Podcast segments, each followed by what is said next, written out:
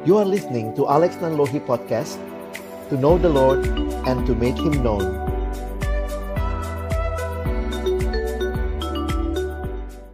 Terlebih dahulu uh, tak kenal maka tak sayang ya kakak-kakak Oleh terlebih dahulu boleh untuk Pak Pendeta Alexander untuk memperkenalkan dirinya Pak Baik, selamat pagi.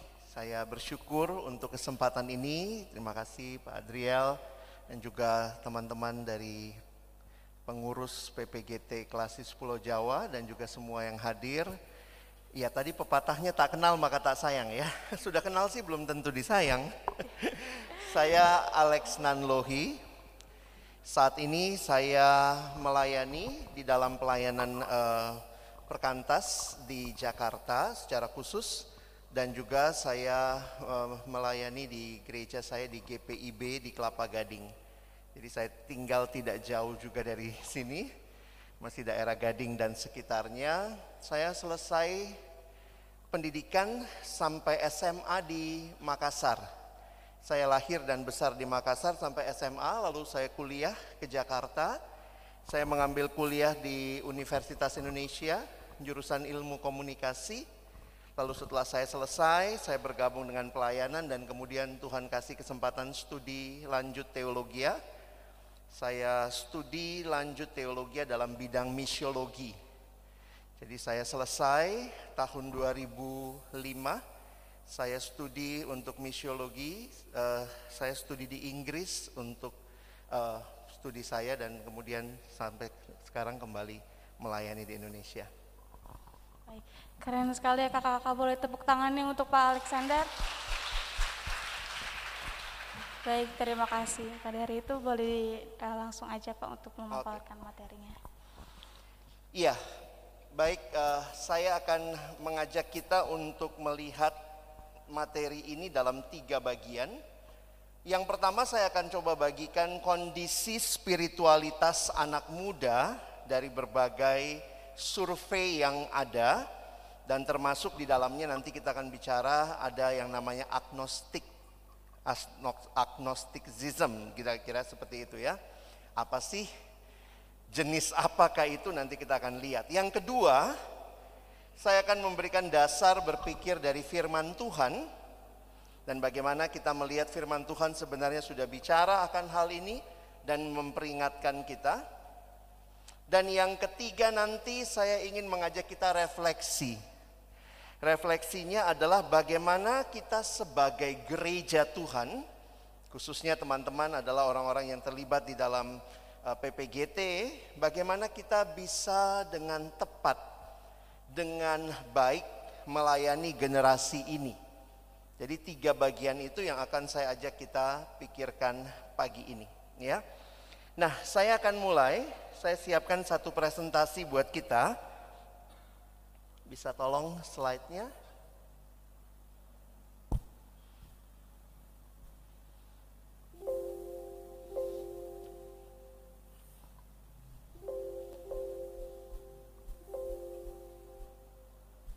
Kita tunggu sebentar ya.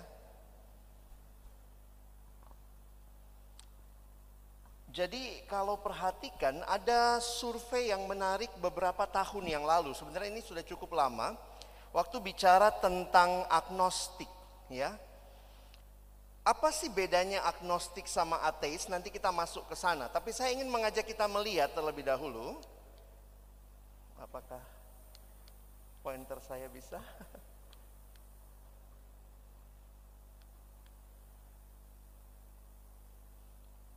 Oke. Jadi ada satu survei yang dilakukan beberapa tahun lalu. Sebenarnya ini tahun uh, cukup lama ya. Teman-teman nanti bisa dapat slide saya. Kalau orang bicara ateis itu sudah biasa kita dengar. Tetapi apa itu agnostik dan yang menarik adalah begini. Tingkat orang yang mengaku dirinya agnostik di Indonesia makin banyak. Dan secara umum ini adalah dari kaum-kaum terpelajar. Karena itu saya bisa simpulkan dengan sederhana bahwa banyak yang bicara agnostik justru di kalangan orang muda. Ketika dulu Indonesia itu rasanya kalau nggak punya agama, wah kamu nista banget begitu ya. Kita kan negara beragama. Tetapi sekarang orang sudah mulai secara terang-terangan mengatakan tidak percaya Tuhan dan juga mengatakan istilah agnostik ini makin banyak. Kalau di negara yang lebih bebas seperti Amerika misalnya, bahwa agnostik itu sudah menjadi pilihan dari banyak hal yang dipercaya. Saya kasih contoh begini. Kalau teman-teman sebenarnya masuk ke akun Facebook, saya nggak tahu tuh sudah berapa lama kalian waktu sejak mendaftar Facebook. Di Facebook itu ada pilihan agama. Itu kalau kita setting pertama kali ya. Nah dulu itu ya agama cuman apa?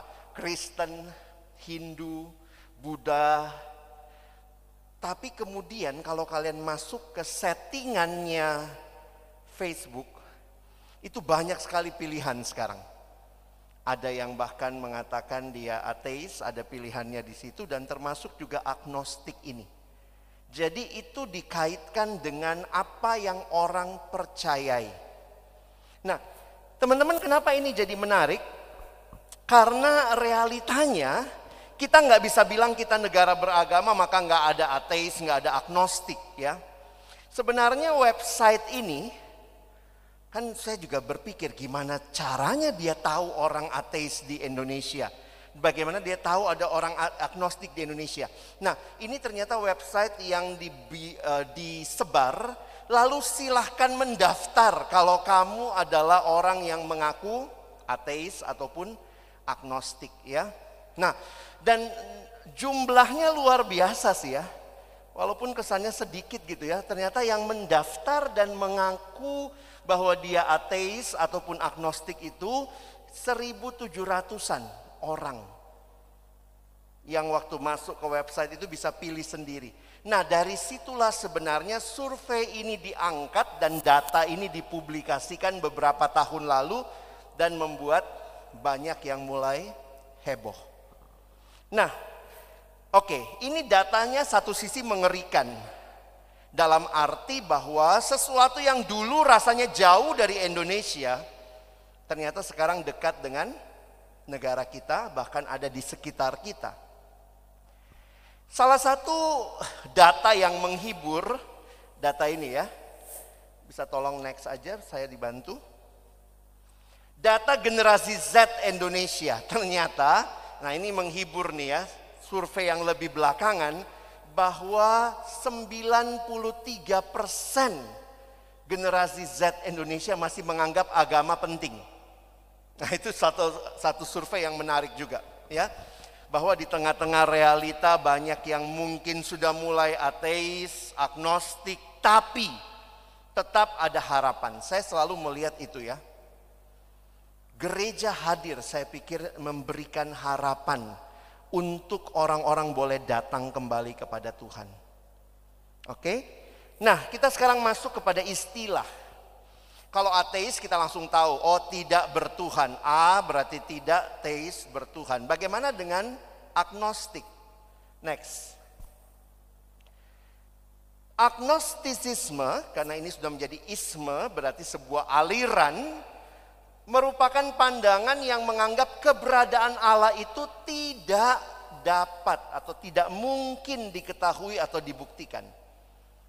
Karena itu kata agnostik dari kata gnostik, gnosis, A berarti tidak, gnosis itu artinya pengetahuan. Jadi tidak bisa diketahui. Beda nggak dengan ateis? Beda, jelas beda. Ateis bilang tidak ada Allah. Agnostik itu bilangnya begini kira-kira ya. Mau ada Allah syukur, nggak ada juga nggak apa-apa. Nggak bisa dibuktiin kok. Nggak bisa diketahui. Jadi memang untuk beberapa filsuf yang melihat kondisi ini mengatakan agnostik ini lebih ngeri ya karena di dalamnya ada sebuah sikap cuek terhadap keberadaan Allah. kalau dia bilang ateis langsung bilang nggak ada Allah. Tapi kalau agnostik mau ada syukur nggak ada nggak apa-apa juga. Apa hubungannya sama saya? Nah tentu dua-duanya jelek ya. Tapi kira-kira kalau kita mau membila, apa, membandingkan, next bisa tolong? Nah, ateisme mendefinisikan secara luas bahwasanya kepercayaan adanya Tuhan ataupun dewa tidak nyata. Itu ateis. Tetapi agnostik adalah orang yang memiliki pandangan bahwa ada atau tidaknya Tuhan tidak dapat diketahui. Karena itu ya sudah. Daripada beragama rasanya bodoh, Tuhannya tidak bisa dijelaskan, ya sudah memilih agnostik. Dan ini angkanya semakin meningkat, khususnya di kalangan orang muda. Kenapa? Karena biasanya isme-isme itu yang suka adalah orang muda. Biasanya gerakan-gerakan yang membangun pemahaman tertentu itu mulainya dari orang muda. Saya juga perhatikan di gereja-gereja, nah makanya tadi menarik ya waktu perhatikan jangan terlalu sering jajan di luar. Ada yang mengatakan begini, salah satu yang paling gampang dipengaruhi sebenarnya di gereja itu orang mudanya. Kalau kita nggak punya dasar yang kuat, kita pergi ke tempat lain. Wah, saya kaget juga ada satu anak sudah pergi ke gereja X, tiba-tiba sudah datang begini, saya mau dibaptis ulang. Hah kenapa? Baptisan saya nggak sah. Kata siapa?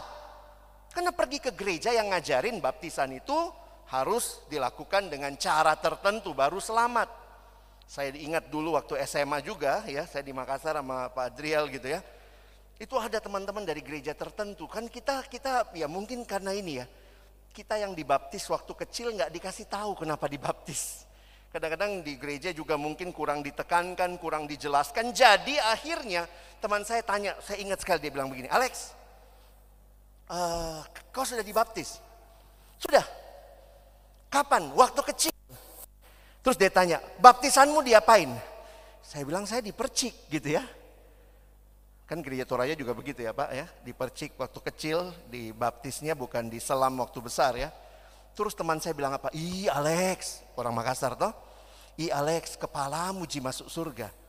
Ih, saya sampai takut gitu. Ih, nanti kepala saya sehingga dia dengan logika dia mesti diselam baru satu badan masuk surga.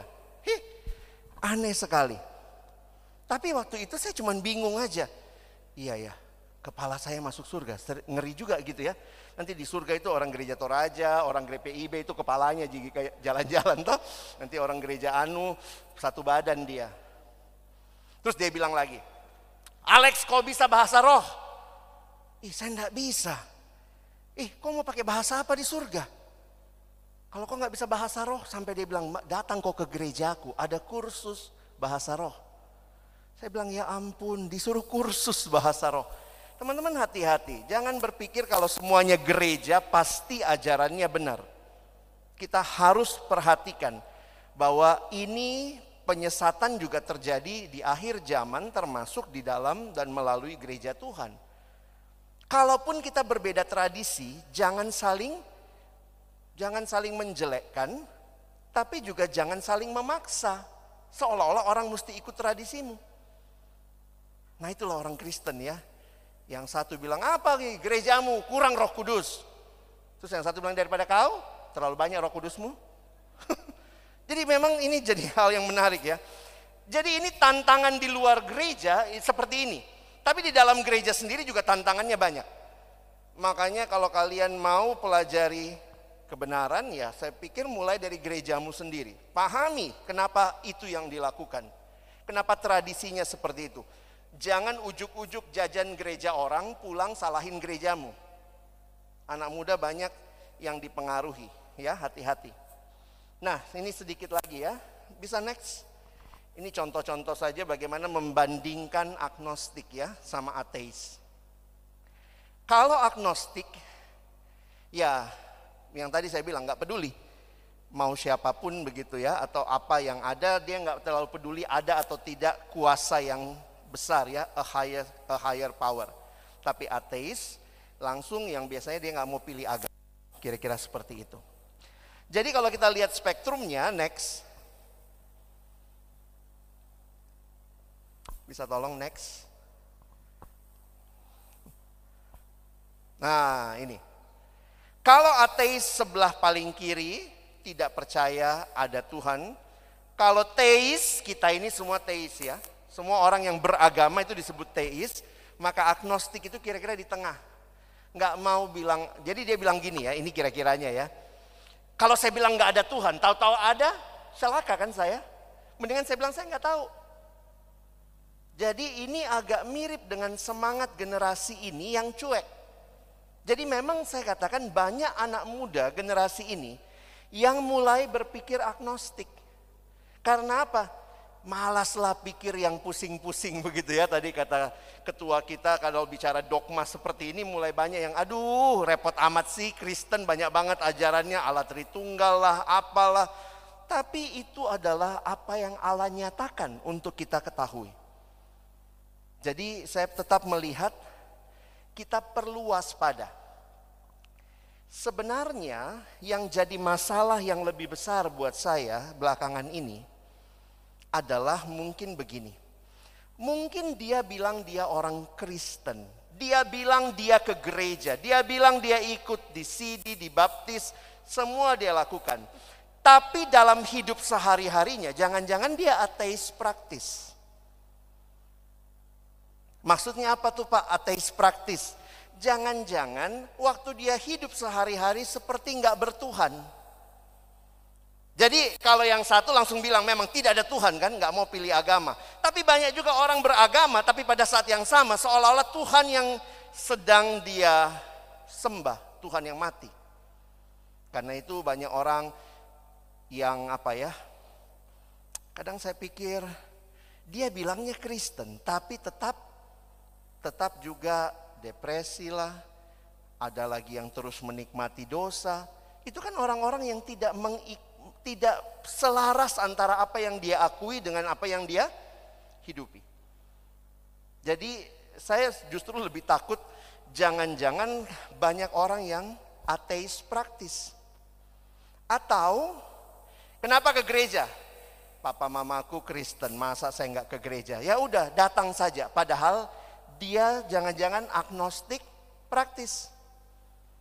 Mungkin dia nggak mengaku agnostik, di KTP-nya tetap bilang Kristen. Tapi dalam kesehariannya bodoh amat, mau ada Tuhan nggak ada Tuhan nggak peduli. Saya kan datang gereja mau cari cewek, mau cari cowok. Jadi hati-hati. Jangan hanya berpikir agnostik, ateis, tapi periksa hidup kita Apakah Tuhan sudah sungguh-sungguh jadi Tuhan yang hidup, yang kehadirannya kita syukuri, kita sembah, dan kita memberikan hidup kita kepadanya. Karena apa? Dia sudah berikan hidupnya buat kita. Ya. Nah, ini sedikit uh, survei lagi. Next. Millennials are losing their religion. Memang ini di luar negeri ya tapi data ini kayak sedikit mewakili bahwa yang agnostik mulai lebih banyak dari yang ateis. Mungkin ini survei di Amerika atau Eropa. Agnostiknya 21 persen, ateisnya 17. Lalu yang lain ya agama-agama mayoritas pada umumnya. Tapi di sini mau menunjukkan kepada kita kekristenan harus waspada. Ya? Oke. Okay. Sekarang saya mau kasih data dari bilangan research yang tadi juga Pak Adriel bilang. Karena bilangan research ini memberikan wawasan karena ini dilakukan di Indonesia. Ini adalah survei tentang kira-kira spiritualitas generasi muda seperti apa. Dia melakukan survei kepada seribu lebih orang Kristen. Jadi di dalamnya ada orang tua, pasti ada anak muda. Nah lalu anak mudanya dia coba hitung sendiri ya. Maka lihat hasil surveinya. Next. Yang pertama dulu. Ini untuk anak muda Kristen Indonesia. Satu dari tiga anak muda Kristen Indonesia menganggap bahwa semua agama menyembah Tuhan yang sama. Nah ini jadi menarik ya. Ini yang saya bilang tadi. mungkin tetap di gereja, tapi pola pikirnya, cara berpikirnya nggak ada bedanya di luar sana. Menganggap semua agama menyembah Tuhan yang sama. Kalian bisa akses IG, Instagram dari Bilangan Research. Saya dapatnya dari situ juga. Next, ini masih tentang anak muda. Satu dari tiga anak muda Kristen Indonesia menganggap bahwa perbuatan baik saja dapat menyelamatkan. Kalau gitu nggak ada uniknya Yesus yang mati di kayu salib. Kan perbuatan baik bisa menyelamatkan. Kenapa kau selamat ya? Karena saya berbuat baik. Kalau gitu nggak beda ya khotbah di gereja sama di ruangnya tetangga sana. Jadi lucu ya. Banyak ngaku Kristen tapi nggak berpikir Kristen, nggak punya pemahaman Kristiani yang dalam. Next. Ini terakhir tentang anak muda yang saya kutip. Satu dari empat anak muda Kristen Indonesia mendukung pernikahan beda agama. Ya pak, nggak usah jauh-jauh lah. Saya juga begitu, pacarku sekarang bukan anak Tuhan. Katanya Kristen, mau menyenangkan Yesus, tapi realitanya. Nah kalau seperti ini gimana gereja bertanggung jawab ya? Ini gereja loh. Makanya saya bilang jangan cuma bilang di luar sana banyak orang tidak percaya Tuhan. Tapi yang percaya Tuhan tidak mentuhankan dia. Itu masalahnya kan? Next, ini survei jemaat umum. Satu dari dua orang Kristen Indonesia tidak aktif memberitakan Injil kepada orang lain dalam tiga bulan terakhir. Saya tadi tidak tahu Mars PPGT ya. Jadi saya punya kesempatan mendengar. Dan ada kalimat kalau saya tidak salah dengar, memberitakan Injil atau memberi, memberikan Injil, apakah begitu tadi kalimatnya? Kalau Injil itu penting didengar. Jangan sampai ternyata gereja hadir cuma ini klub sosial kumpul-kumpul, ketawa-ketawa gitu ya. Bukan berarti tidak boleh kumpul-kumpul ketawa, tapi jangan sampai apa yang dinyanyikan, apa yang kita punya dari Tuhan, Injil itu tidak menjadi sesuatu yang dibagikan. Next.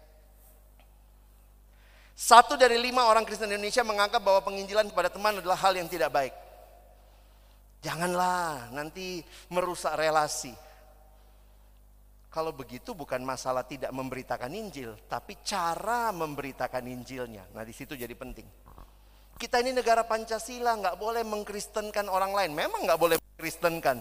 Tetapi penginjilan itu kan bukan mengkristenkan. Penginjilan itu membagikan berita sukacita yang saya dan saudara terima dari Yesus. Misalnya saya pergi makan ya. Kalau kalian ke Kelapa Gading banyak sekali coto Makassar toh. Terus ada yang suka coto Makassar A, ada yang suka coto Makassar B, ada yang suka coto Makassar C. Kalau saya cerita saya suka A, apakah itu tidak boleh? Saya tidak toleransi sama yang B sama C. Kan saya cuma cerita, saya suka sekali tuh coto Makassar yang kalau masuk gading pertama dapat itu yang A. Jadi sebenarnya kita sedang membagikan apa yang kita nikmati. Saya percaya Yesus, dia juru selamatku, dia tolong saya, dia bimbing saya. Itu bukan, kan kita nggak paksa. Kau harus ikuti Yesusku, tapi kita menyaksikan Yesus. Kalau dia tertarik, ya kita bersyukur dia datang sama Tuhan. Kalau dia bilang, eh coto Makassarku lebih enak. Oh gitu, nanti kapan-kapan kita saling coba ya. Bukan berarti pindah agama ya, tapi kita dialog kan. Kayak apa caramu berpikir tentang iman? Bagaimana agamamu menyikapi depresi? Bagaimana agamamu bicara tentang keselamatan. Jadi sebenarnya kan kalau begitu suasana kita beribadah, eh, sorry kita hidup malah ada faith talk antar agama, interfaith dialogue. Jadi saya pikir ke depan kita jangan anti ya. Poinnya kita punya kesaksian nggak? Ada anak yang bilang begini sama saya, iya pak, tapi kan semua agama sama. Saya bilang, kata siapa semua agama sama? Iya kan semua agama baik pak. Oke, semua agama baik, semua agama sama. Kalau gitu saya bilang sama kamu, kau jadi agama situ saja. Ih saya nggak mau pak. Ih berarti kalau sama kenapa kau nggak jadi agama situ aja? Kalau sama, Lucunya, orang Kristen bilang semua agama sama, tapi saudara kita yang di sana kita tanya, semua agama sama. Nggak mau dia bilang sama. Kau makan babi, saya tidak. Nih, nggak sama kan? Jadi hati-hati ya, kadang-kadang Kristennya yang mulai melunak, nggak sama. Eh, kita sama. Sama apanya? Sama-sama manusia, betul. Tetapi apa yang diyakini, biarlah itu hidupi dan kita saksikan ya. Next. Dua dari tiga orang Kristen Indonesia tidak aktif memuridkan orang lain dalam tiga bulan terakhir. Kita dipanggil untuk jadikanlah segala bangsa muridku. Tapi apakah terjadi di dalam gereja? Next lagi. Nah ini sedikit analisa dari beberapa literatur yang saya baca kenapa orang-orang yang justru dari negara-negara, karena ini kan munculnya banyak dari negara-negara yang maju, yang mungkin kekristenan dulu di Eropa, di Amerika sangat luar biasa. Kenapa akhirnya banyak yang memilih jadi agnostik dan ateis? Tentu banyak faktor, tapi dari dalam gereja, saya pikir kita perlu mendengar keluhan mereka kekecewaan terhadap bentuk agama formal. Kenapa? Yang kita ini agama formal yang dianggap ya Kristen, Katolik, Islam, Hindu, Buddha itu agama formal. Kenapa orang jadi malas beragama khususnya generasi muda? Karena apa? Beragama tapi munafik. Dan ini bukan hanya Kristen ya. Waktu saya juga ngobrol sama teman yang beda agama. Dia bilang makin banyak orang malas juga jadi muslim. Kenapa? Ngapain? Haji tapi genit. Misalnya gitu ya. Pendeta tapi cabul. Apa yang dilihat? Mungkin melihat mah majelis jemaat. Jadi biasanya orang suka gitu ya. Ngapain jadi Kristen? Ngapain jadi Muslim? Ngapain jadi Buddha? Hidupnya nggak benar kok. Lebih baik nggak beragama. Asik kan? Hidup nggak benar, nggak ada dasarnya. Yang kedua, sikap mudah menghakimi. Khususnya menganggap agamanya sebagai agama yang paling benar. Tentu kita harus yakin agama kita benar ya. Tapi cara menyampaikannya, nah sering kali yang terjadi kekerasan. Ini yang kita lihat ya. Makanya ketika terjadi 911 itu, waktu ada serangan runtuh menara itu di Amerika banyak orang yang malas jadi muslim. Ngapain? Katanya agama. Agama kan harusnya ngajarin kedamaian, kok bunuh-bunuhan? Nah, tapi dalam Kristen juga banyak yang begitu. Ya kita nggak bicara kasus tertentu ya. Tapi realitanya orang Kristen juga bikin masalah kan? Katanya Kristen. Kok membunuh? Katanya Kristen. Kok menyakiti? Nah, ini yang terjadi. Nah, teman-teman, ini membuat makin banyak orang malas beragama. Ngapain beragama kalau begini hidupnya? Mendingan nggak beragama. Nah, jadi inilah kondisi spiritualitas yang terjadi di sekitar kita. Dan next, kalian bisa lihat, ini ada alasan-alasan orang meninggalkan gereja. Ada banyak alasan ya, tapi nggak kebaca kali ke kalian ya. Tapi beberapa masalah di situ adalah karena kesaksian hidup orang yang beragama tidak menunjukkan hal yang patut dicontoh. Next lagi. Nah, ini survei yang tadi Pak Pendeta juga bilang. Teens are leaving the church. Orang muda mulai meninggalkan gereja.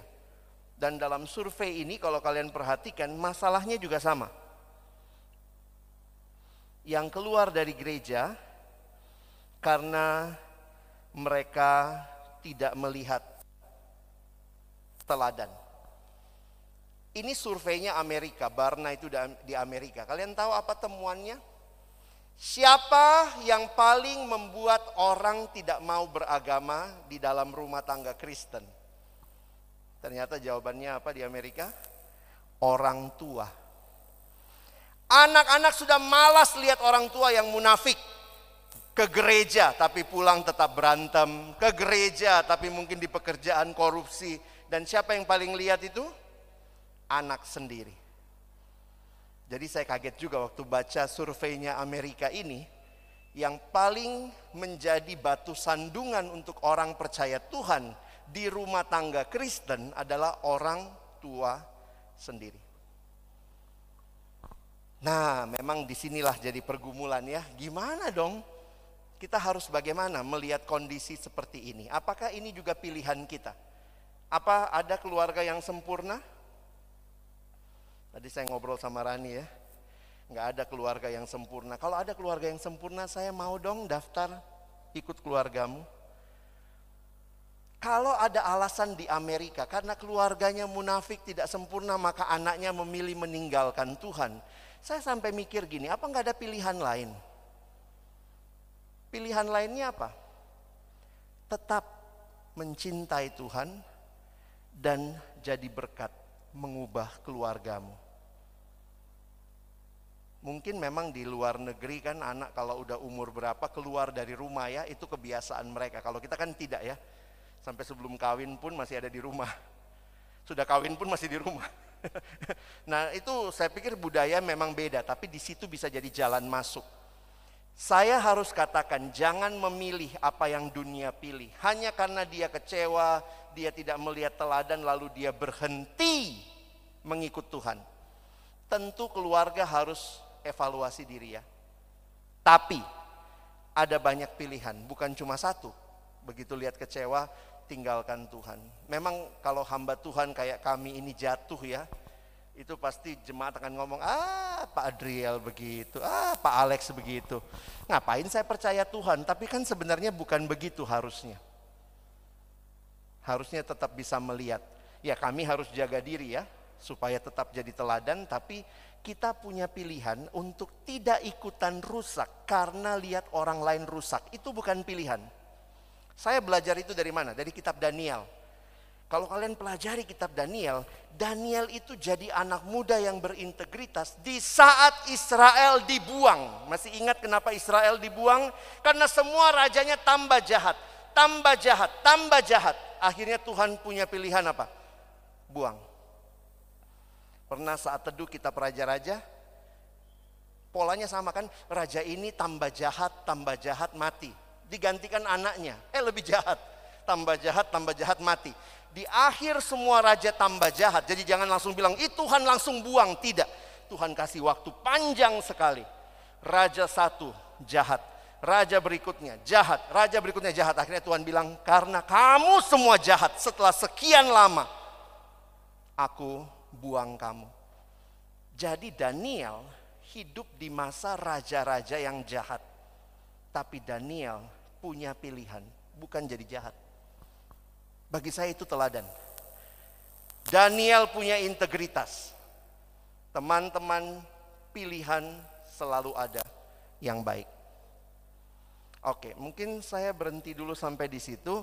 Sebenarnya dasar firman Tuhan tadi Pak Adriel sudah kasih juga tapi mungkin kalau kita mau diskusi, saya pikir uh, nanti bisa saya lanjutkan sedikit di bagian akhir tentang bagaimana gereja menyikapi kali ya.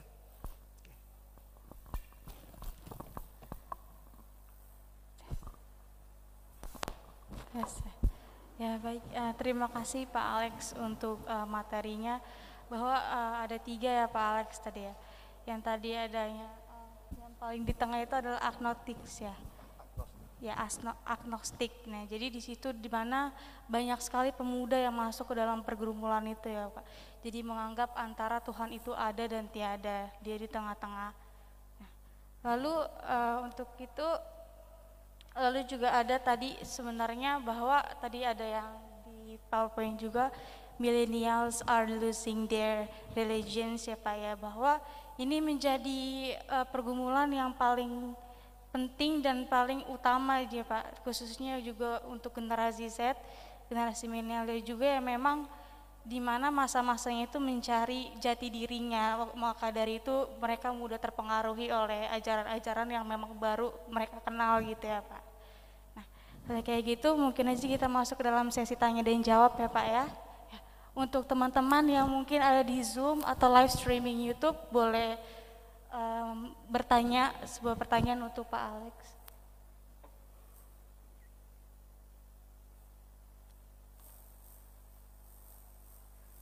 Apakah ada? Jika ada, boleh langsung raise hand aja, terus open mic-nya.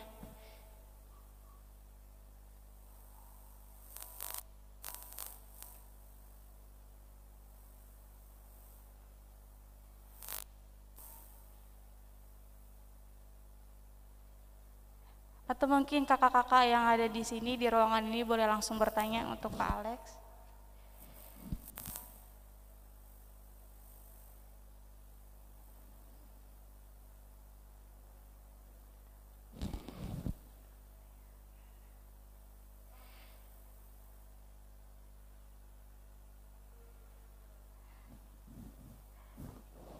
Ada? Ah, baik, boleh kak. Boleh untuk berdiri kak, memperkenalkan diri.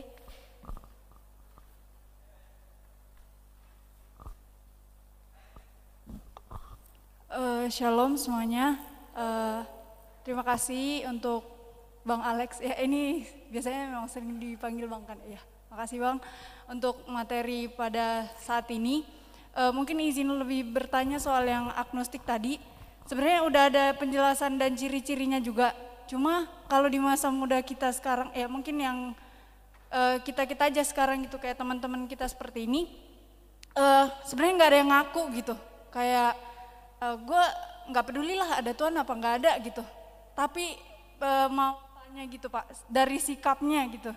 Karena sebenarnya uh, ada seorang teman yang uh, biasanya ya lagi kalau anak-anak muda sekarang lagi quarter life crisis, lagi banyak tekanan dan lain sebagainya. Kalau saya sendiri menghadapinya kan ya paling ngomong soal Tuhan gitu. Maksudnya untuk kasih dia solusi pun kayak ya ngapain lagi berdoa gitu kan. Nah tapi orang ini jadinya kayak ah lu mah bahasnya soal Tuhan gitu. Nggak ada gitu yang solusi lebih praktis. Nah apakah itu salah satu agnostik gitu Pak ciri-cirinya? Seperti itu terima kasih Pak. Saya langsung jawab aja kali ya. Nah itu yang saya bilang tadi, ada orang-orang yang mungkin beragama formal tapi praktisnya dia udah agnostik. Atau bisa juga begini ya, yang tadi ya, dia ngakunya Kristen tapi sebenarnya hidupnya ateis. Jadi Tuhan ada nggak ada buat dia atau Tuhan itu dianggap tidak ada tapi dalam KTP, dalam ke gereja, nah mungkin juga kita ngalamin seperti itu ya. Kalau saya melihatnya itu perjalanan iman seseorang itu yang kita harus syukuri di Indonesia ini sebenarnya kalau mungkin kita buka-bukaan angka, mungkin jauh lebih tinggi dari seribuan tadi ya. Karena banyak orang yang mengaku beragama formal tapi hidupnya praktis ateis atau agnostik. Nah, tetapi saya kadang menghayatinya begini. Di masa seperti itu, saya pikir juga ini cara Tuhan membentuk dia. Karena itu perjalanan iman dia yang harus teman-teman dan saya tolong. Jadi saya jujur aja kalau bicara begini saya lebih concern, maaf ya, saya lebih concern kepada mereka yang ateis praktis atau agnostik praktis yang dekat dengan hidup kalian. Ketimbang yang sama sekali ada di luar sana kita nggak bisa jangkau. Tapi bagaimana? Saya senang dengan pertanyaannya tadi. Gimana nih kalau ada teman yang tanya, dia lagi kesel banget sama Tuhan begitu ya. Nah saya pikir itu bagian yang teman-teman dan saya harusnya bisa menolong.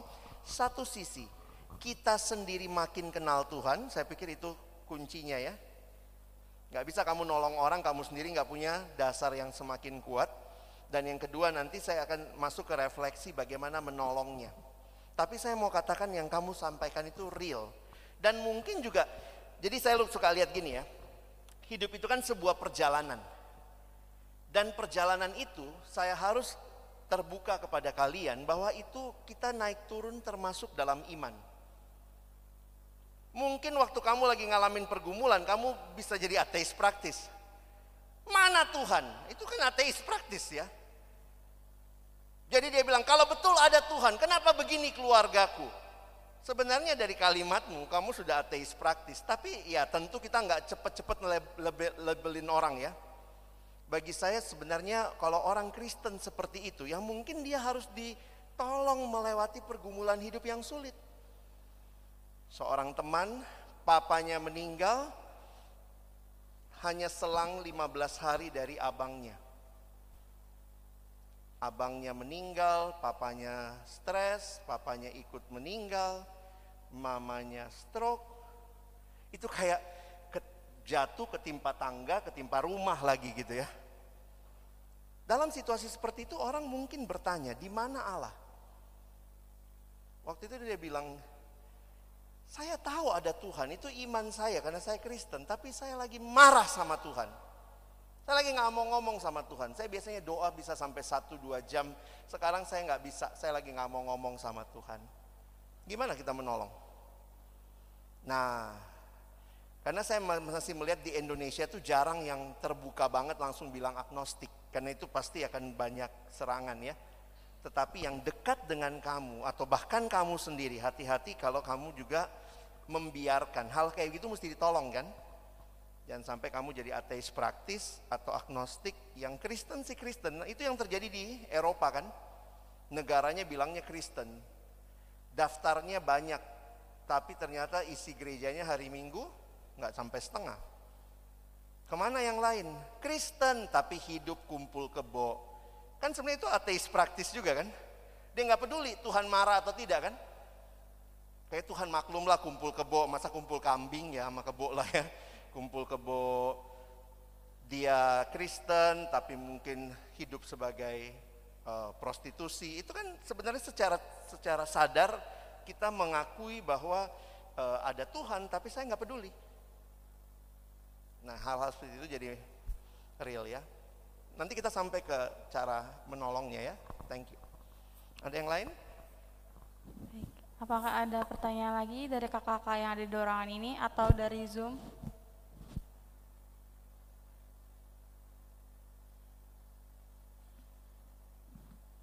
Oh ya, silakan kak.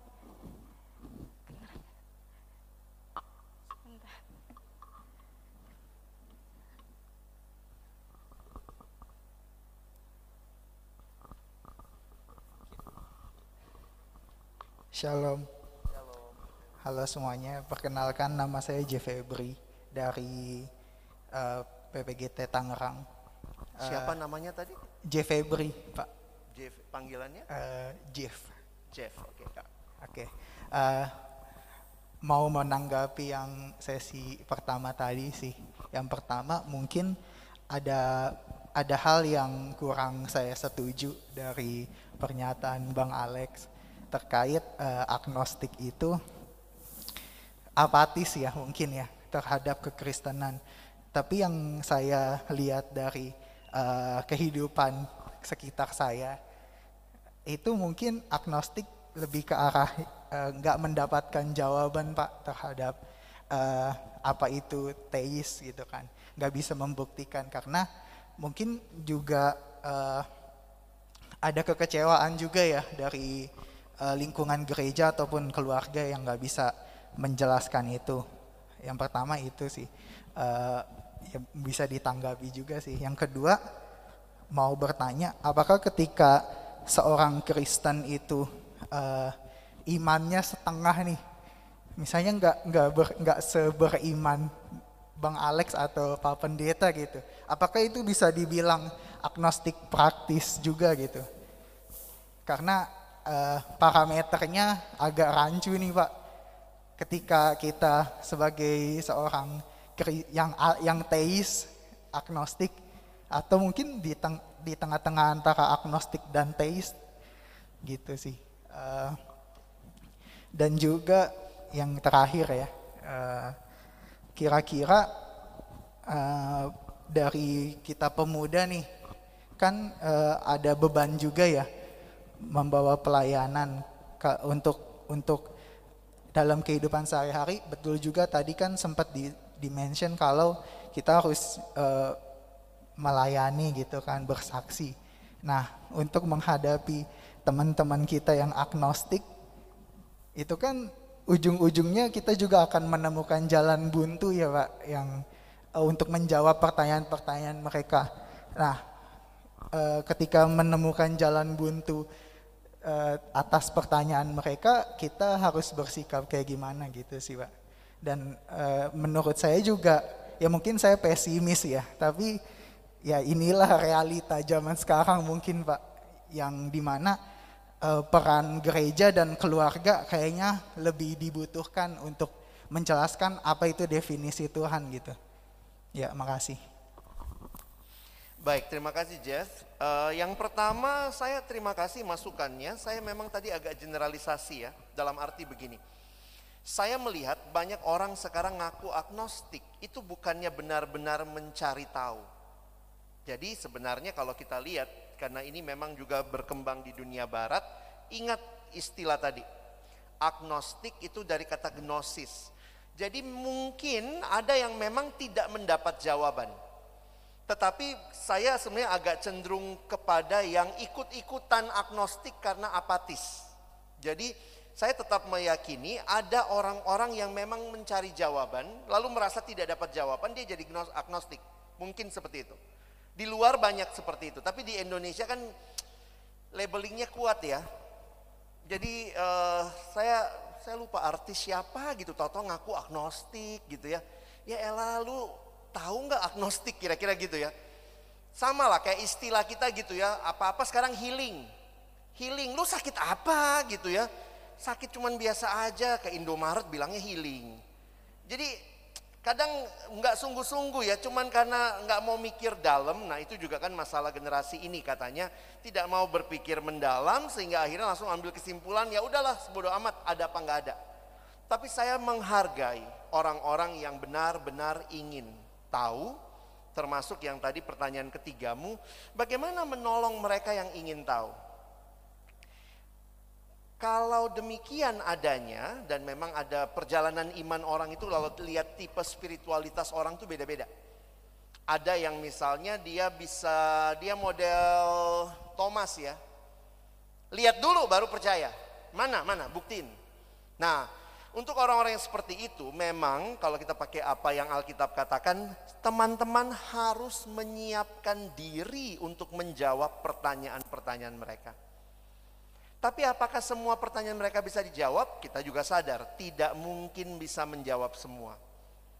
Tetapi iman Kristen bukan iman buta. Iman Kristen didasarkan kepada fakta pengajaran Alkitab. Sehingga itu perlu teman-teman melakukan ya kalau saya mengusulkannya apologetik ya.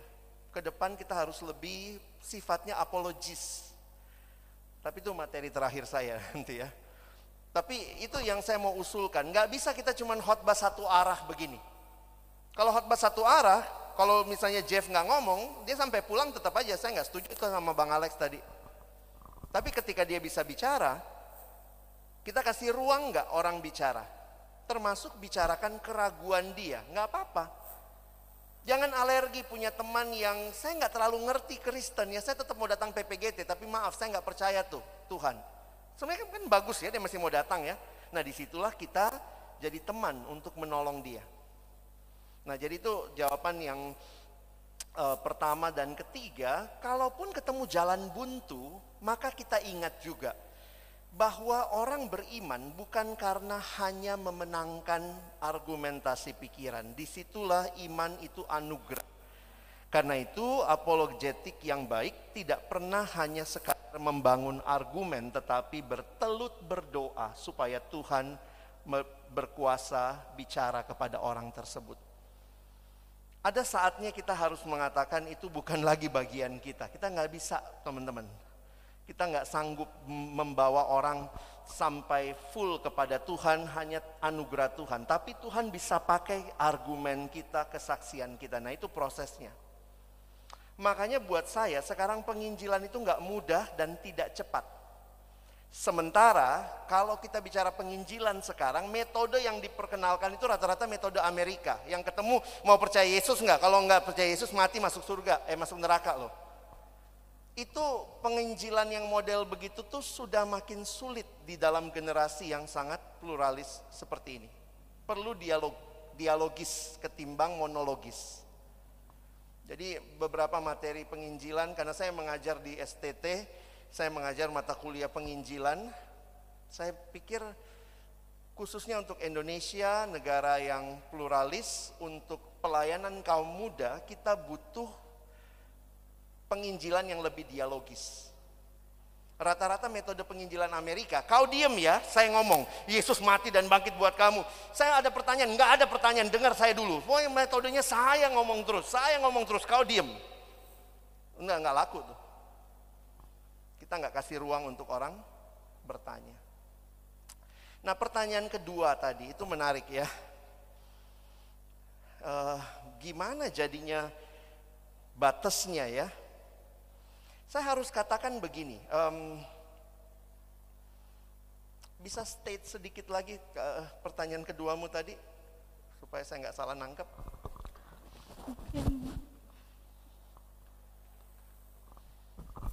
Uh, pertanyaan kedua lebih ke arah gini sih pak, uh, parameternya apa nih pak? Jika kita ber, iman kita sebesar uh, ya parameter ya mungkin Eh, tindakan atau pengetahuan kita sampai sejauh mana nih sampai kita udah bisa disebut bertuhan gitu. Karena ya hmm. mungkin saya juga mengakui ya mungkin saya ya agnostik praktis gitu kan. Yeah. Karena yang ya udahlah habis itu ya uh, karena saya juga takut gitu. Ada ketakutan ke diri saya. Ini saya kayaknya agnostik praktis. Toh di hari-hari saya juga uh, ya gitu nggak nggak terlalu berimpact Tuhan gitu. Hmm. Tapi ya saya selalu mencari jawabannya gitu kan. Maksudnya parameternya sampai mana nih gitu.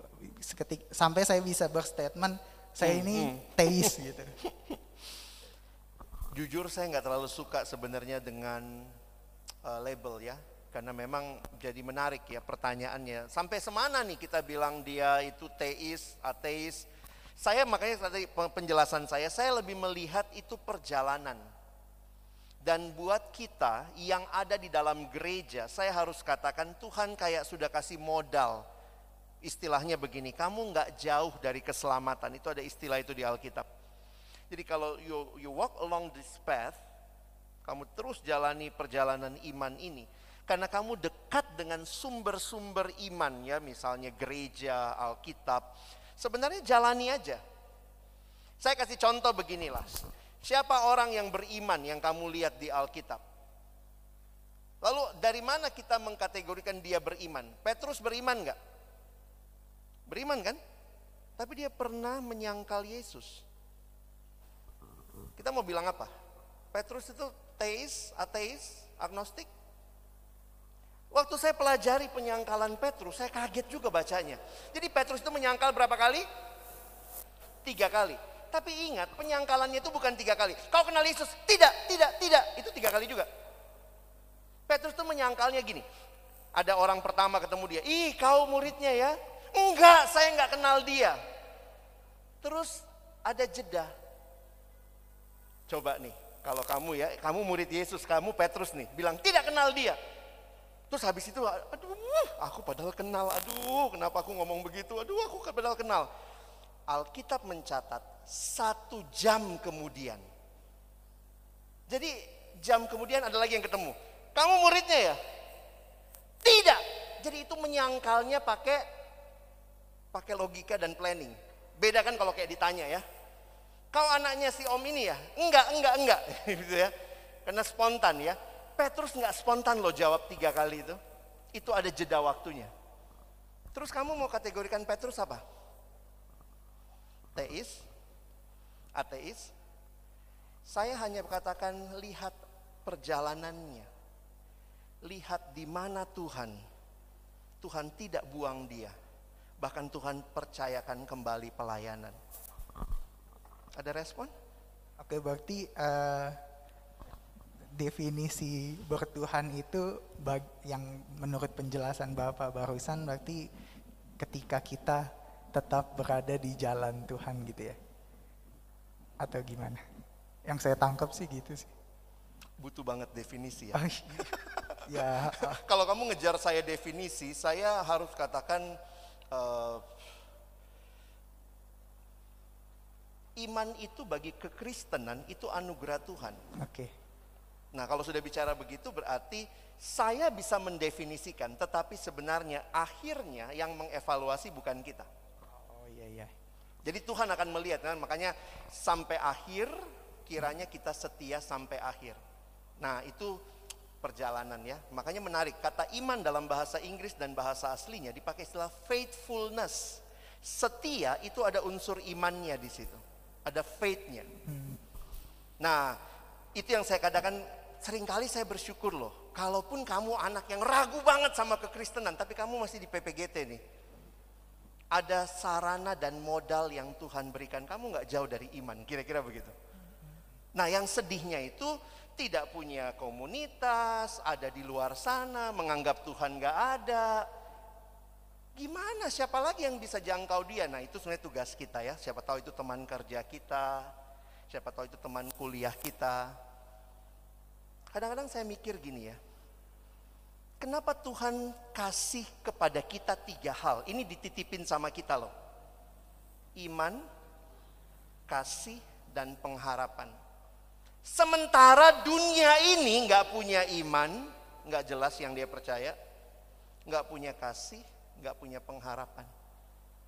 Di situ saya jadi sadar Tuhan titipkan iman, kasih, dan pengharapan supaya kita hadir di tengah dunia yang tidak punya iman, kasih, dan pengharapan, supaya kita membawa mereka kenal siapa sumber iman, siapa sumber kasih, siapa sumber pengharapan. Saya selalu melihat ada pengharapan kok ya. Jadi kalau orang ragu, ada yang ya nggak apa-apa, ragu. Thomas juga Tuhan nggak bilang gitu ya. Waktu Thomas ini Tuhan nggak bilang, pokoknya aku bangkit. Tuhan bilang ini, coba masukin jarimu. Nah mungkin itu kali ya. Ada respon Jeff? Udah sih. Thank you. Makasih Pak. Sama-sama.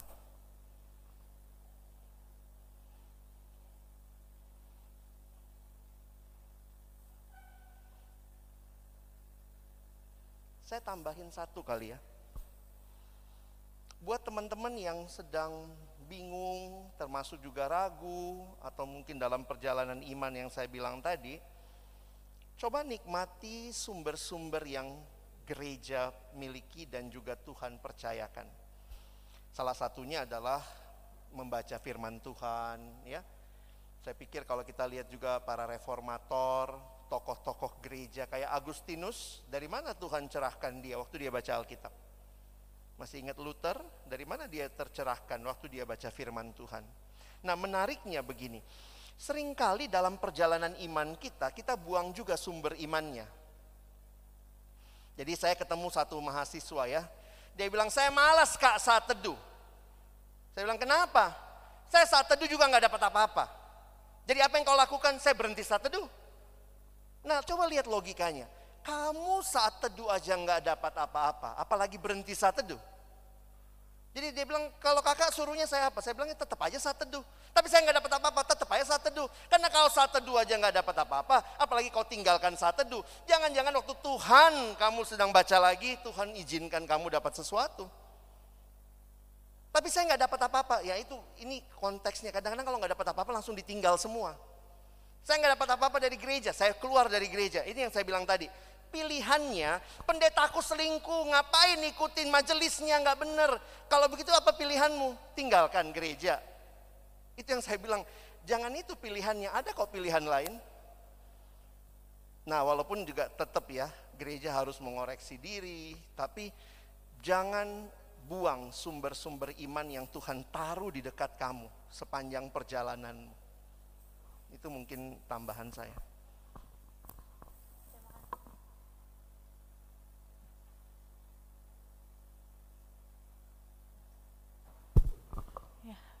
Baik terima kasih untuk uh, Pak Pendeta Alex.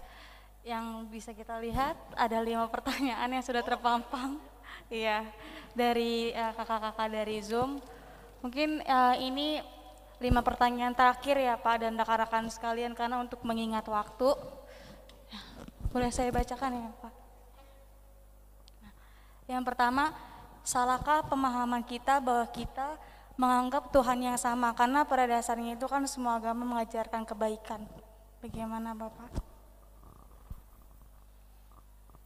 Kalau ditanya pertanyaan ini, sebenarnya jawabannya bisa begini. Apakah Tuhan itu sama? Saya harus katakan ya dan tidak.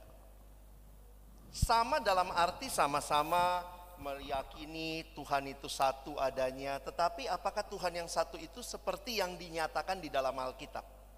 Kita percaya kepada Tuhan yang satu yang dinyatakan di dalam Alkitab di mana Tuhan yang satu itu menyatakan dirinya di dalam Yesus Kristus. Jadi kalau tidak sampai ke Yesus, maka sebenarnya kita harus katakan Tuhannya berbeda. Tapi kayaknya sama, sama tapi beda. Ya kita mesti jelas. Sebenarnya dalam ini perlu pembahasan agak panjang, tapi saya secara pribadi harus mengatakan Allah perjanjian lama sama nggak sama Allah perjanjian baru? Sama. Berarti Allahnya Kristen sama nggak sama Allahnya Yahudi? Sama. Tapi juga beda. Bedanya apa? Karena Yahudi hanya berhenti di perjanjian lama. Kristen kita sampai ke perjanjian baru. Nah saya belum bicara Islam ya. Kan Yahudi, Kristen, Islam itu kan satu sumber. Nah kalau dibilang sama, ya memang sama. Allah Abraham, Allah Ishak, Allah Yakub. Islam percaya, Yahudi percaya, Kristen percaya. Tapi Kristen juga beda karena mengakui bahwa Allah Abraham, Ishak, Yakub itu menyatakan diri dalam Yesus Kristus. Berarti beda nggak? Beda. Jadi jangan cepat menjawab sama hanya karena semua berbuat baik. Sama. Kamu bikin jahat, dia bikin jahat. Apakah kalian penjahat? Eh, tunggu dulu. Enggak jangan mau langsung dibilang kamu penjahat. Jadi hati-hati ya, hanya karena kebaikan, semua agama mengajarkan kebaikan. Lalu kemudian kesimpulannya Tuhannya sama. Itu premis berpikirnya lompat. Baik. Nah, untuk pertanyaan keduanya, Aluk Todolo termasuk ateis atau agnostik? Orang Toraja lah yang jawab itu ya. Kalian kan tahu ya Aluk Todolonya kayak apa dan segala macam. Kalau saya sih harus katakan um, kepercayaan tradisional. Sebenarnya kalau kita lihat ilmu agama-agama itu ada yang menarik ya. Bahwa ternyata keyakinan, kesadaran adanya Tuhan itu ada dalam agama. Agama tradisional. Walaupun mungkin bentuknya kuasa, sesembahan. Nah, kita Kristen beda karena kita percaya pada Allah yang adalah pri pribadi. Allah kita bukan cuma roh, dia adalah pribadi. Ya. Baik, Pak. Uh, untuk pertanyaan yang ketiga, mana yang lebih berbahaya bagi iman Kristen? Agnotism atau gnosticism dari Someng? Jadi kalau bicara gnostik, di dalam perkembangan selanjutnya, kalau kita lihat perjanjian baru, ada yang namanya Gnosticism. Gnosticism itu muncul dari filsafat Yunani yang membagi dua antara yang baik dan yang jahat. Pemahaman sederhananya begini, tubuh ini jahat karena berdaging. Sementara yang baik itu roh. Karena itu Gnostik mengajarkan bagaimana orang perlu pengetahuan, gnosis, pengetahuan khusus untuk membawa dia lepas dari tubuh. Karena tubuh ini jahat, roh itu baik. Jadi ini filsafatnya Yunani merasa bahwa roh yang baik terkurung di dalam tubuh yang jahat. Nah, pengetahuan yang harus didapatkan mereka berpikir ada pencerahan yang terjadi sehingga akhirnya roh ini bisa bebas dari tubuh. Nah, itu pemahaman selanjutnya. Dua implikasi dari gnostik. Pertama, ada yang bilang begini, kalau tubuh itu jahat, ya sudah, pakai aja untuk kejahatan. Sehingga gnostik ada yang melahirkan hedonisme. Itu yang Paulus bilang di satu Korintus. Marilah kita makan minum karena besok kita mati. Kan gak ada gunanya. Kalau tubuh ini jahat ya udah puaskan aja. Sehingga di zaman Paulus ada orang-orang yang menikmati hedonisme termasuk pesta seks, makan, minum itu ada dalam budaya mereka waktu itu. Kenapa? Pahamnya gnostik. Tapi ada yang kedua. Kalau tubuh ini jahat, roh itu baik, siksa tubuhnya supaya rohnya lepas. Makanya muncul yang namanya asketisisme. Jadi gnostik itu bikin dua, satu yang hedon-hedon, satu yang nyiksa-nyiksa diri nggak boleh makan ini, nggak boleh makan itu, itu yang muncul di dalam kitab Kolose. Nah, yang mana yang bagus? Dua-duanya nggak bagus ya. Gnostik melahirkan cara hidup yang tidak benar, uh, agnostik tidak benar-benar belajar atau bukan tidak benar-benar belajar ya, karena bagi saya bukan cuma itu. Aspek selanjutnya dari agnostik membuat orang tidak merasa butuh bertanggung jawab kepada seseorang dalam hidupnya. Jadi terserah saya dong hidup saya mau gimana. Kalau kita tahu ada Tuhan, maka di akhir hidup ada pertanggung jawaban. Kalau agnostik, ya agnostik, ya sudah. Kan nggak ada, saya mau tanggung jawab sama siapa? Hidup itu hidup saya. Makanya dia sama kayak Bon Jovi, it's my life. Itu hidup saya, kira-kira begitu ya. Jadi nggak ada yang lebih baik sih. Baik, terima kasih untuk Alex. Pertanyaan yang keempat, pertanyaan dari Kak Densi Tangkelangi dari Jemaat Tanggrang. Dalam kehidupan khususnya karena di sini membahas pada anak muda.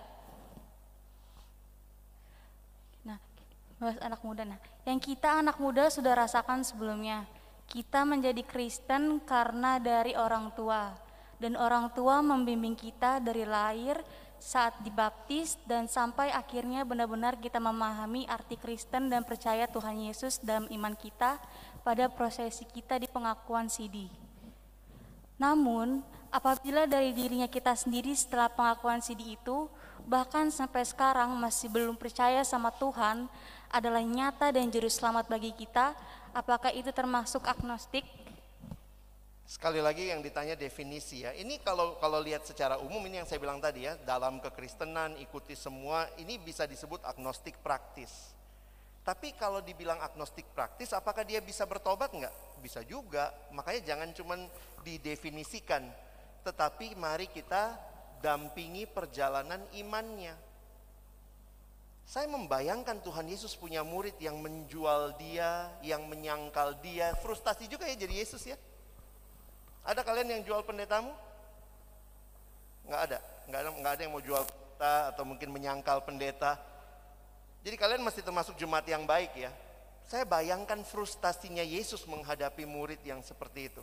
Tapi Tuhan tahu itu bukan akhir dari perjalanan iman mereka. Tuhan percayakan lagi Petrus pelayanan. Jadi itu selalu ada harapannya.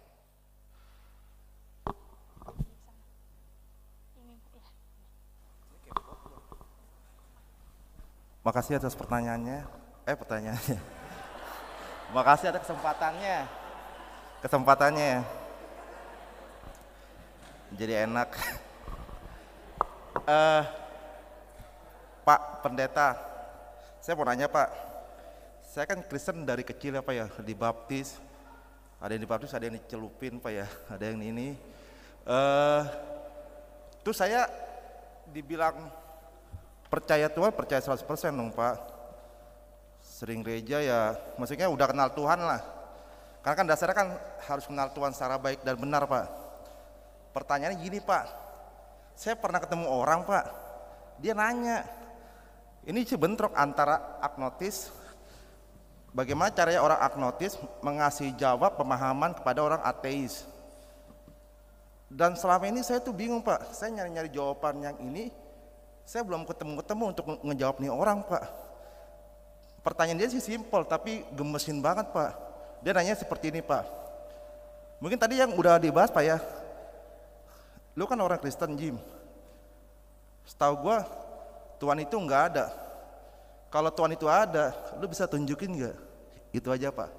Bagaimana ngasih solusi kepada orang macam ini dengan cara yang simpel pak? Supaya dia percaya bahwa Tuhan itu ada pak pada waktu pada waktu saya mau jawab, cuman saya bingung Pak, gemeteran. Mau jawab apa? Takut salah Pak. Takut salah, maksudnya kan kan kalau kalau saya salah ngomong itu mencerminkan kekristenan kita juga kan Pak. Bisa kasih alasan yang tepat, simpel, jelas dan sederhana itu aja Pak. Baik, terima kasih pertanyaannya. Sebenarnya kalau kita bicara tentang keberadaan itu keberadaan itu sesuatu yang unik dan perlu penjelasan yang panjang sebenarnya. Banyak hal yang kita tidak bisa lihat tapi kita percaya ada. Udara misalnya. Teman-teman pernah lihat otakmu? Nggak pernah lihat tapi percaya punya otak ya. Nah, jadi ada hal-hal dalam kehidupan yang tidak bisa kita lihat tetapi itu ada. Nah, di dalam Alkitab jelas dikatakan Allah adalah roh adanya. Karena itu Allah bukan keberadaan fisik seperti kita. Jadi sederhana saja bahwa Allah tidak dinyatakan keberadaannya hal kalau dia punya sesuatu yang physically karena memang dia di dalam Alkitab Allah adalah roh adanya. Nah, menjawab pertanyaan seperti ini, teman-teman harus ingat ya, kalaupun kalian tidak bisa menjawab, jangan merasa Tuhanmu perlu dibela ya. Kalaupun kalian tidak bisa menjawab karena juga belum tahu jawabannya, jujur aja bilang belum tahu. Dan percayalah bahwa Tuhan sanggup juga, tentu dari situ kita jadi belajar juga iman kita ya, harus mendalami. Tapi di sisi lain akhirnya begini, yakinilah bahwa ada kesempatan lain yang Tuhan mungkin berikan untuk orang itu, bisa jadi nggak lewat kita. Saya selalu ingat satu ilustrasi yang mengatakan begini ya, di China itu, di Cina itu bakpao itu kecil ya, nggak kayak kita bakpaunya gede-gede gitu ya. Bakpao itu katanya kecil ya. Nah, jadi ada orang lagi mau makan bakpao, dia makan bakpao pertama, dia tambah lagi bakpao kedua, makan bakpao ketiga makin kenyang, bakpao keempat tambah kenyang, bakpao kelima dia kenyang banget. Nah pertanyaannya, bakpao mana yang bikin dia kenyang? Satu, dua, tiga, empat atau yang kelima? Semu, semuanya dong. Ya, jadi kalaupun dia kenyang banget di bakpao kelima, tetapi sebenarnya bakpao pertama telah berkontribusi. Nah, saya suka berpikir begini, jangan-jangan kamu bakpao pertama buat orang itu. Jadi nggak mesti selalu mikir saya bakpao kelima. Kalau saya ngomong lah dia yakin percaya Yesus. Tuhan bisa pakai orang lain, tetapi apa yang ketika dia bertanya kepada kamu, cara kamu menjawab, cara kamu merespon, termasuk waktu tidak tahu bilang tidak tahu, mungkin itu jadi benih bakpao pertama buat dia. Nanti Tuhan bisa hadirkan lagi orang yang berikutnya, tetapi yang penting adalah kita bisa jadi sahabat buat dia. Misalnya kalau kita nggak tahu, saya pikir cara kita menjawabnya, wow pertanyaanmu bagus banget, saya juga pernah nanya itu. Saya akan coba cari jawabannya, nanti kita ketemu lagi, kita ngobrol ya. Nah lalu jawabannya seperti apa ya, saya bilang tadi sebenarnya banyak orang udah dijawab tetap nggak puas, karena dia mau lihat bukti. Nah ingat Waktu bertanya jawab itu bukan untuk berdebat.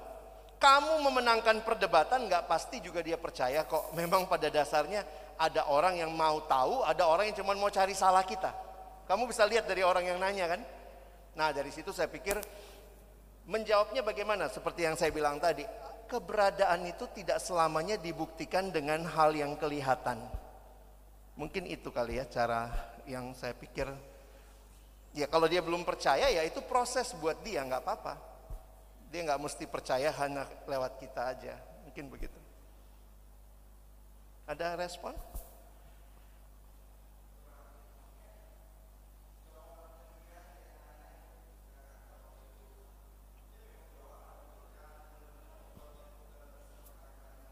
Nggak mungkin dia nggak bertanya lagi. Hidup itu punya Pokoknya coba jawab sesuai dengan yang kamu sanggup. Nah, mungkin karena kita bukan mungkin, karena kita Kristen harusnya kita jawabnya dari Alkitab ya. Dalam arti uh, Alkitab menyatakan Allah adalah roh adanya.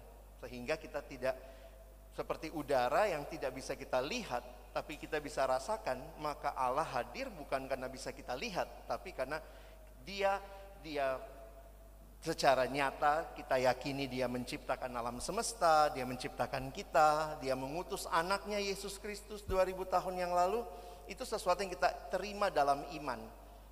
Nah itu tidak semua hal bisa kita jelaskan. Mungkin itu ya. Thank you. Jadi teman-teman apa yang sebenarnya saya refleksikan ini sudah tercermin ya dalam apa yang saya jawab tadi.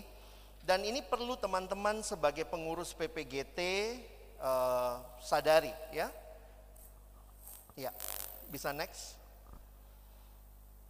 Saya ingatkan hal ini buat kita. Kaum muda itu masa depan gereja dan gereja masa depan. Kalianlah yang akan jadi wajah gereja masa depan. Next. Ini ayat firman Tuhan yang uh, uh, ini kutipan dari Presiden Amerika yang ke-32. We cannot always build the future for our youth, but we can build our youth for the future. Saya pikir ini searah uh, searah dengan pesan firman Tuhan. Next. Didiklah orang muda menurut jalan yang patut baginya, maka pada masa tuanya pun ia tidak akan menyimpang daripada jalan itu. Teman-teman, apa yang diberikan sejak kamu muda, kiranya itu jadi hal yang Tuhan pakai. Saya yakin percaya yang namanya firman Tuhan itu tidak akan kembali sia-sia. Mungkin ada yang bilang, tapi kak saya sudah nggak percaya Tuhan sekarang. Dulu saya ikut CD, saya ikut apa. Percayalah Tuhan terus bekerja dalam firmannya buat hidupmu. Next kata didiklah kalau kalian lihat bahasa Inggrisnya ternyata dipakai kata train up. Jadi karena itu butuh teman-teman dan saya lewati proses di drill, di training. Kita tidak hanya butuh satu kali faith talk begini lalu selesai masalah agnostik, tidak. Kamu mesti melatih dirimu. Next. Nah, kembali ke slide ini, coba perhatikan Bagian paling bawah ada seperti solusi yang dikasih yang warna kuning di bawah ya. Bisa tolong next diperbesar. Nextnya. Nah, nah ini selalu jadi harapan saya. There is hope when we come alongside the teens and equip them with the power of God's word, they find strength to stand against the attacks Let's proclaim this message. Jadi selalu ada harapan ketika kita mendampingi orang muda itu. Nah mungkin yang jadi pertanyaan saya adalah berikut ini, next.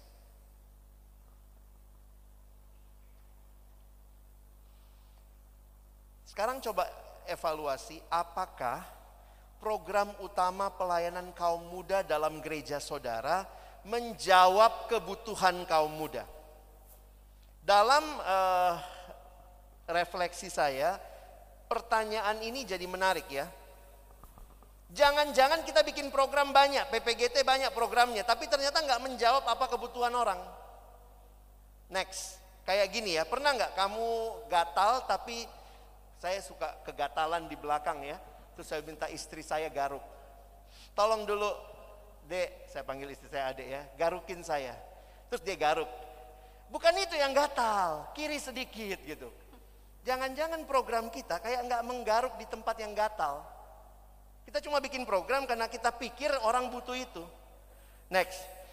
Jangan-jangan program kita hanya menjangkau permukaan. Kita harusnya menjangkau yang di dalam karena ini yang jadi perhatian penting. Dan apa kira-kira kebutuhan generasi ini? Next. Dalam satu survei yang saya lakukan, generasi ini butuh perhatian, butuh kesempatan, butuh penerimaan, butuh pendampingan. Dan jujur, ini tidak bisa dijawab dengan program saja. Next. Pemahaman dan pengenalan yang dalam akan generasi ini menentukan bagaimana melayani mereka.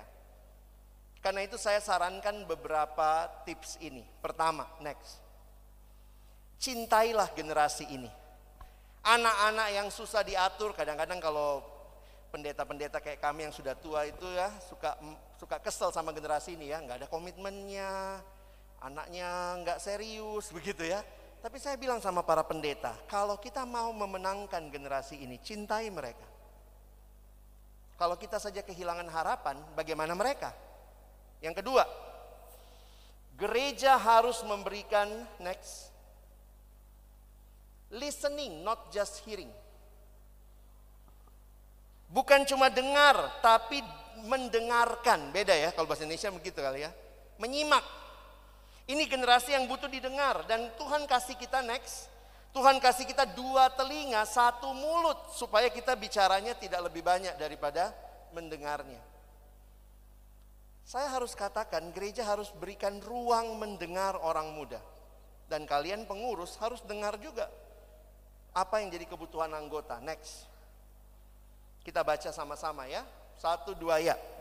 Perlu ada ruang yang aman, safe space bagi orang muda untuk bertanya, menyatakan kebingungan ataupun keraguan mereka berkaitan dengan iman Kristen.